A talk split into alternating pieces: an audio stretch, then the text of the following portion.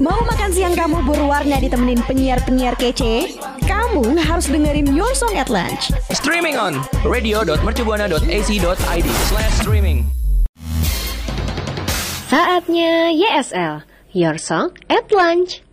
Radio Mercu Buana. Station for Creative Student. Halo, siang rekan Buana. Sekarang rekan Buana lagi dengerin program Your Song at Lunch di jam 12 siang ini dan pastinya bareng sama gue Sandra dan partner gue. Dan gue Anggi yang pastinya rekan Buana nih bakal dengerin dua penyiar yang paling kece seantar ya meriah ya San ya. Apalagi kalau siang-siang gini nih paling enak tuh ya dengerin kita ngoceh-ngoceh gitu. Dan juga buat rekan Buana yang mau dengerin siaran kita atau program kita yang lainnya nih bisa banget nih dengerin kita di Spotify kita di Radio Mercu Juga jangan lupa ya buat follow Twitter dan Instagram kita di @radiomercubuana. Juga kunjungi Facebook kita di Radio Mercubuana karena bakal banyak banget info terupdate setiap harinya. So, jangan sampai ketinggalan ya rekan Buana. Radio Mercubuana Station for Creative Students.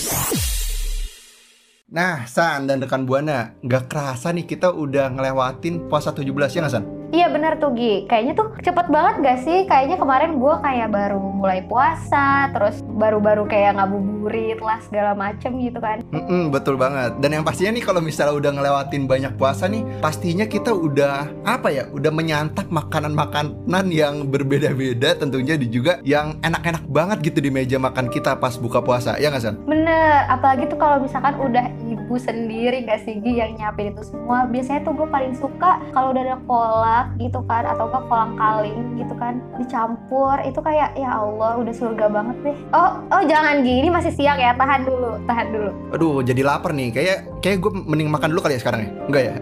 Dan juga eh, pastinya nih kalau misalnya ngomongin soal ibu yang masak-masak nih, pastinya emang ibu tuh salah satu wanita yang paling hebat kali ya San ya. Soalnya kalau ngambil kasus dari ibu gue nih ya, ibu gue tuh kalau setiap pagi nih dia tuh selalu masak gitu kan. Terus juga dia langsung berangkat kerja. Habis berangkat kerja, dia pulang masak lagi coba San. Lu bayangin, emang betapa hebatnya ibu gue ya gak sih? Iya bener banget, ih itu juga terjadi di sama gue Gue tuh sering banget ya mikir, kayaknya tuh gue ngeliat ibu gue udah nyiapin sahur, terus udah kegiatan sehari-harinya keluar rumah gitu kan kerja segala macam, terus balik ke rumah masih nyempet nyempetinnya nyiapin buka puasa gitu menurut gue kayak ya ampun gue aja mager banget gitu buat nyiapin itu padahal gue juga cuma rutinitas gue cuma kuliah. Hmm, dasar ya emang nih anak-anak yang apa ya?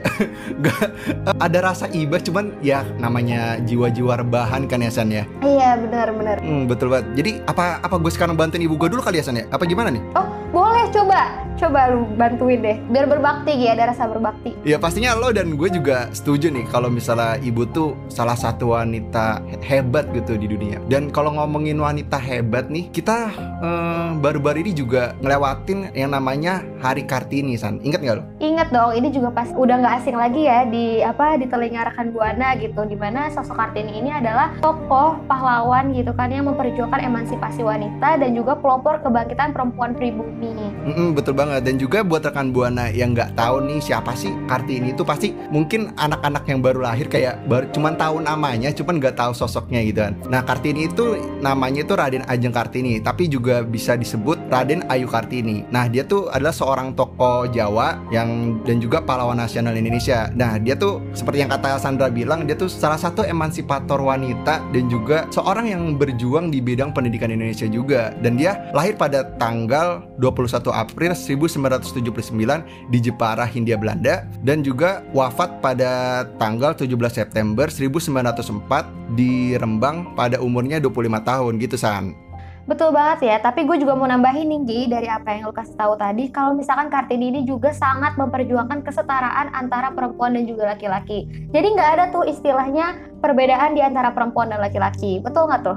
Masih banyak nih isu-isu kayak wanita tuh ya lo harus di rumah aja, lo jadi ibu rumah rumah tangga aja. Dan juga kalau zaman dulu mungkin kayak wanita tuh ya emang harus pasrah aja gitu kalau misalnya disuruh poligami. Makanya Kartini itu memperjuangkan hak hak wanita. Kalau wanita tuh ya nggak harus kayak gitu. Wanita tuh bebas ngelakuin apa yang dia pengen gitu ya San Iya betul, betul, betul banget. Karena kita tuh sebagai perempuan juga harus berhak ya untuk bisa mencapai cita-cita dan juga bisa menempuh pendidikan setinggi-tingginya. Karena pendidikan tuh emang sangat bermanfaat banget ya. Selain buat diri kita sendiri, juga kelak kan bisa mendidik keturunan-keturunan kita kelak. Pemikiran-pemikiran Kartini ini tuh buat lo ya San dan rekan buana ini tuh dicantumin di di buku yang berjudul Habis Gelap Terbitlah Terang yaitu gua gua gua punya salah satu surat nih yang gue inget banget isinya yang ditulis Kartini buat Profesor Anton dan nyonya pada tanggal 4 Oktober 1901. Dah, isinya tuh gini. Kami di sini memohon diusahakan pengajaran dan pendidikan anak-anak wanita. Bukan sekali-kali karena kami menginginkan anak-anak wanita itu menjadi saingan laki-laki dalam hidupnya, tapi karena kami yakin akan pengaruh yang besar sekali bagi kaum wanita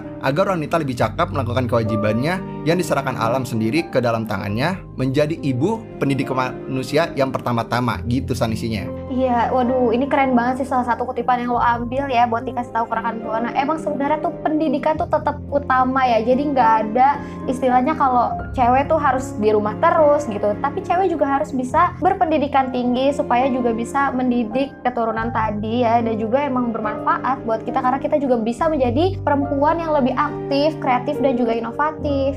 Iya betul banget karena kan emang wanita itu pasti bakal jadi guru pertama mungkin ya bagi setiap manusia karena dari hal-hal kecil tuh pasti ibu kita kan yang mengajarkan gitu sih San. Nah itu kan udah dari gua nih surat yang gue bacain. Kalau lo ada nggak nih surat yang nempel di otak lo yang ditulis sama Kartini?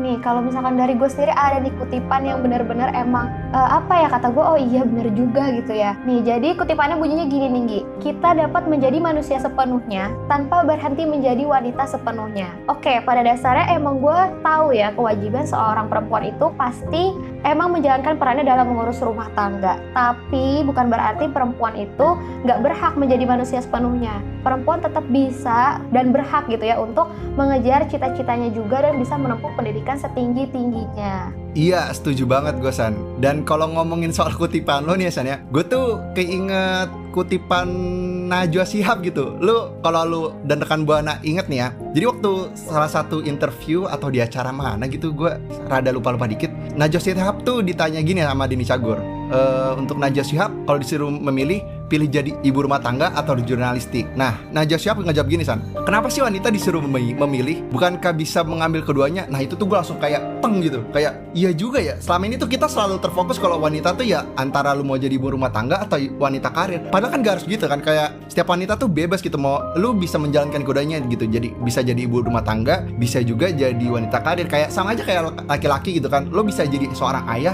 dan juga bisa jadi ayah yang mencari nafkah gitu ya nggak San? Iya itu pas banget sih. Dari gue sempat lihat gitu karena menurut gue sendiri ya emang kalau misalkan perempuan gitu udah di rumah mungkin iya mengurus kewajibannya dalam rumah tangga gitu. Tapi setelah keluar rumah kita bisa berkontribusi banyak gitu. Entah itu kita bisa berkarir atau dan hal-hal sebagainya gitu yang bisa kita lakuin. Yang penting asalkan positif. Iya betul banget. Nah itu kan udah udah ada kutipan surat dari gua dan Sandra nih yang mengutip surat Kartini. Nah rekan buana rekan buana ada nggak nih surat-surat dari Kartini yang diingat gitu yang nempel di kepala rekan buana? Bisa banget kali mention kita di Twitter kita di mana San? Di Twitter kita di @radiomercubuana dan jangan lupa dengan hashtagnya YSL.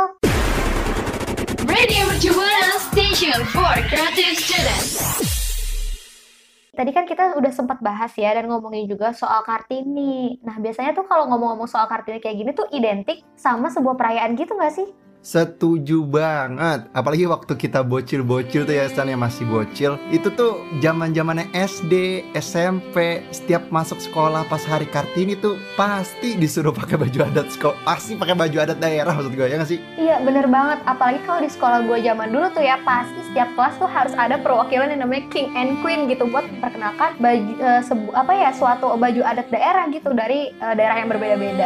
Betul banget. Pasti disuruh fashion show ya nggak sih? Bener, bener, bener banget tuh. Dan juga waktu gue SMA pernah tuh lagi fashion show fashion show kan. Itu tuh ajang apa ya? Ajang memperlihatkan bidadari bidadari sekolah gitu san kalau di gue sih. Waduh, iya bener sih. Kayaknya tuh eh, tiba-tiba tuh langsung terpancar gitu ya kecantikannya kalau udah pakai baju-baju kayak kebaya, terus kadang cowoknya ada yang pakai batik. Hmm betul banget. Dan juga tiap hari Kartini tuh kan ya, gue tuh ngerasa kayak di sekolah tuh Indonesia banget gitu. Semua orang pakai batik dan juga gue ngerasa tuh jadi kayak udah pada dewasa semua gitu kan. Iya, jadi kelihatannya tuh kayak kayak apa ya kayak menawan banget gitu kayak tumben biasanya kan kalau pakai baju sekolah kan pada kelihatan buluk-buluk ya mungkin karena karena terlihat apa ya misalnya kayak pakai baju ya pakai baju sekolah gitu pas pakai baju rapi tuh kayak wah gitu.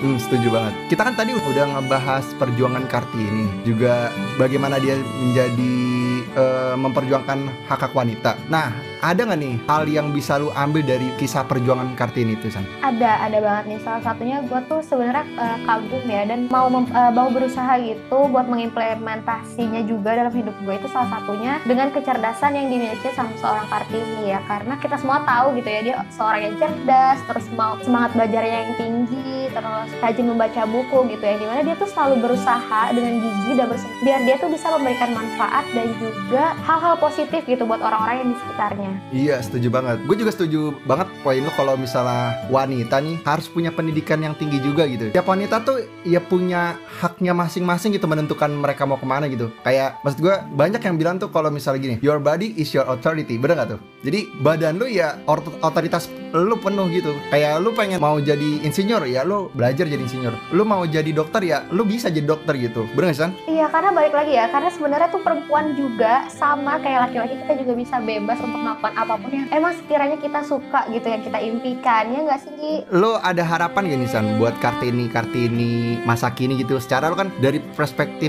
wanita nih ada nggak tuh harapan-harapan untuk Kartini Kartini masa kini yang sekarang gitu kan Oh ya, pastinya ada dong. Gue berharap eh, buat semua gitu ya, kaum-kaum milenial perempuan atau pokoknya semua deh gitu buat perempuan yang di Indonesia ini semoga dengan peringatan Hari Kartini yang setiap tahunnya emang dirayakan gitu itu bisa menjadikan kita tuh tetap semangat gitu ya dalam memperjuangkan hak-hak perempuan terus memprioritaskan pendidikan juga karena itu hal yang emang penting banget ya dan juga eh, bisalah menerapkan hal-hal positif gitu yang udah Kartini tunjukin sama kita. Iya betul setuju banget. Soalnya wanita tuh emang salah satu faktor penentu kecerdasan bangsanya kan. Jadi dia kan jadi jadi guru pertama setiap manusia nih. Jadi pengajar pertama. Ya semoga untuk wanita-wanita Indonesia untuk para kartini masa kini gitu kan semoga bisa menjadi wanita yang lebih hebat lagi dari generasi sebelumnya. Dan juga buat calon ibu dari anak-anakku kalau kamu dengerin siaran ini semoga kamu bisa menjadi wanita yang paling hebat gitu ya sangat Iya bener-bener sih itu. Iya sih karena karena wanita ya kan mengandung ya Gi. Tentunya kan pasti eh, anak dari yang dilahirkan itu pasti akan menuruni gitu atau mewariskan apa yang udah kita apa ya apa yang udah kita alami gitu dari pendidikan, dari sikap atau contoh dari seorang ibu itu tadi gitu pasti bakal nurun deh ke anaknya. Kayak istilah buah kalau jatuh nggak jauh dari pohonnya kan. Betul banget, kalau jauh dari pohonnya berarti udah diambil tukang buahnya, ya nggak? Dan juga buat rekan Buana yang yang punya cara untuk mengimplementasikan perjuangan Kartini nih, bisa kali sharing-sharing ke Twitter kita di Twitter kita di mana San? Di Twitter kita di @radiobercubuana dan jangan sampai lupa dengan hashtagnya YSL. Jansport Indonesia mempersembahkan Jansport Campus Ambassador. Kamu seorang mahasiswa dan aktif di media sosial. Punya mimpi untuk menjadi kampus ambassador? Yuk wujudkan mimpimu dengan mendaftarkan diri dan menjadi Jansport Campus Ambassador 2021. Program ini spesial dibuat oleh Jansport Indonesia untuk membangkitkan kembali anak muda dengan kegiatan positif dan menyenangkan. Dengan menjadi Jansport Campus Ambassador, kamu akan mengikuti berbagai kegiatan yang mengeksplorasi diri dan mengembangkan skill dan kemampuan kamu. Caranya mudah banget untuk mendaftarkan diri kamu.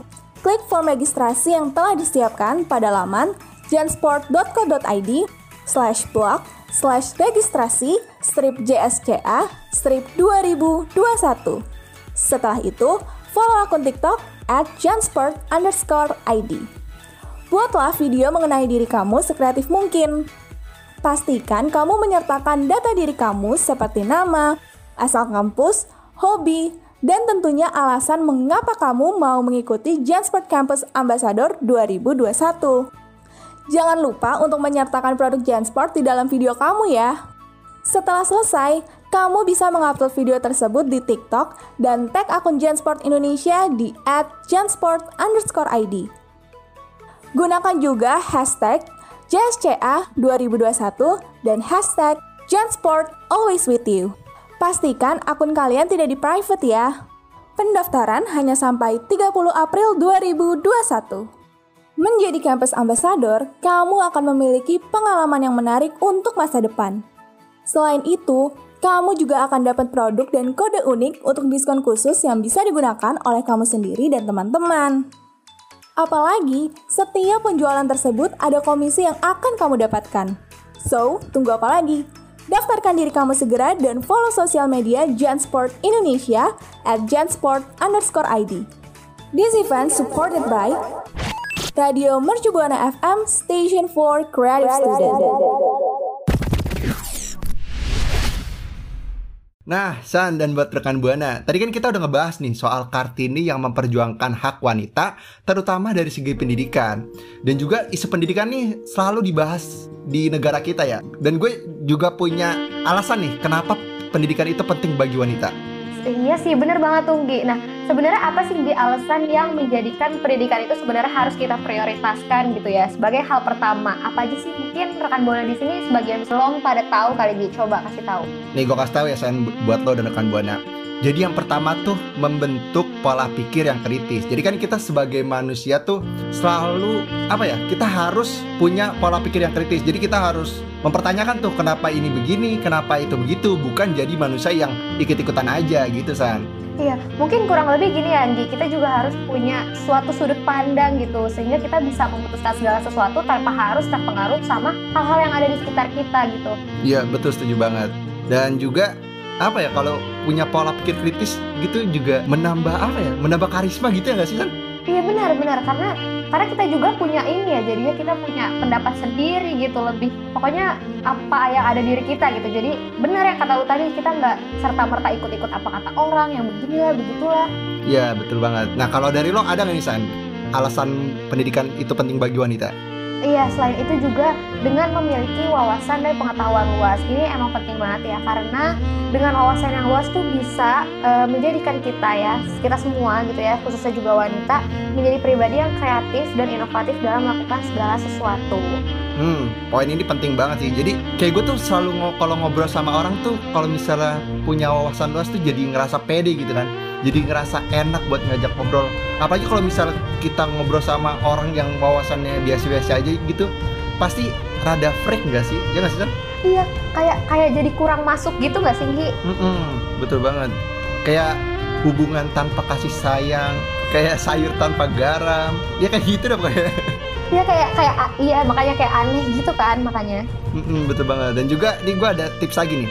Yang ketiga bersem- berkesempatan memiliki karir yang lebih baik. Oh ya ini berarti emang emang ya pada dasarnya kan eh, karir itu kan butuh ya merekrut orang-orang hebat gitu dengan pendidikan yang baik pula, kemampuan yang mumpuni gitu nggak sih? Hmm, betul banget. Apalagi di zaman sekarang kan orang-orang tuh dituntut untuk kreatif, harus punya skill-skill yang bisa menunjang karir mereka ya. Salah satunya ya dari pendidikan ini, ya nggak sih?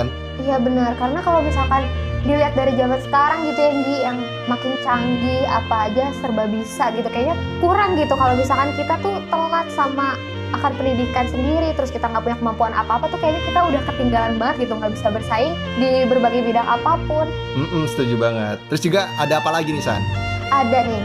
Jadi pendidikan itu penting banget sebagai bekal untuk mendidik anak-anak. Yang kita sempat bahas tadi tuh ya di segmen sebelumnya kalau misalkan wanita itu uh, menjadi uh, sarana positif gitu untuk mendidik dan juga menurunkan sifat-sifat baik buat anak kita kelak. Jadi pendidikan itu penting banget karena tuh kita juga apa ya jadi kita tahu gitu mendidik anak yang baik kayak gimana terus sifat-sifat baik yang ada di kita bisa banget menurun ke anak kita sendiri Iya setuju banget. Jadi ini kan udah gue bahas juga tadi ya San ya.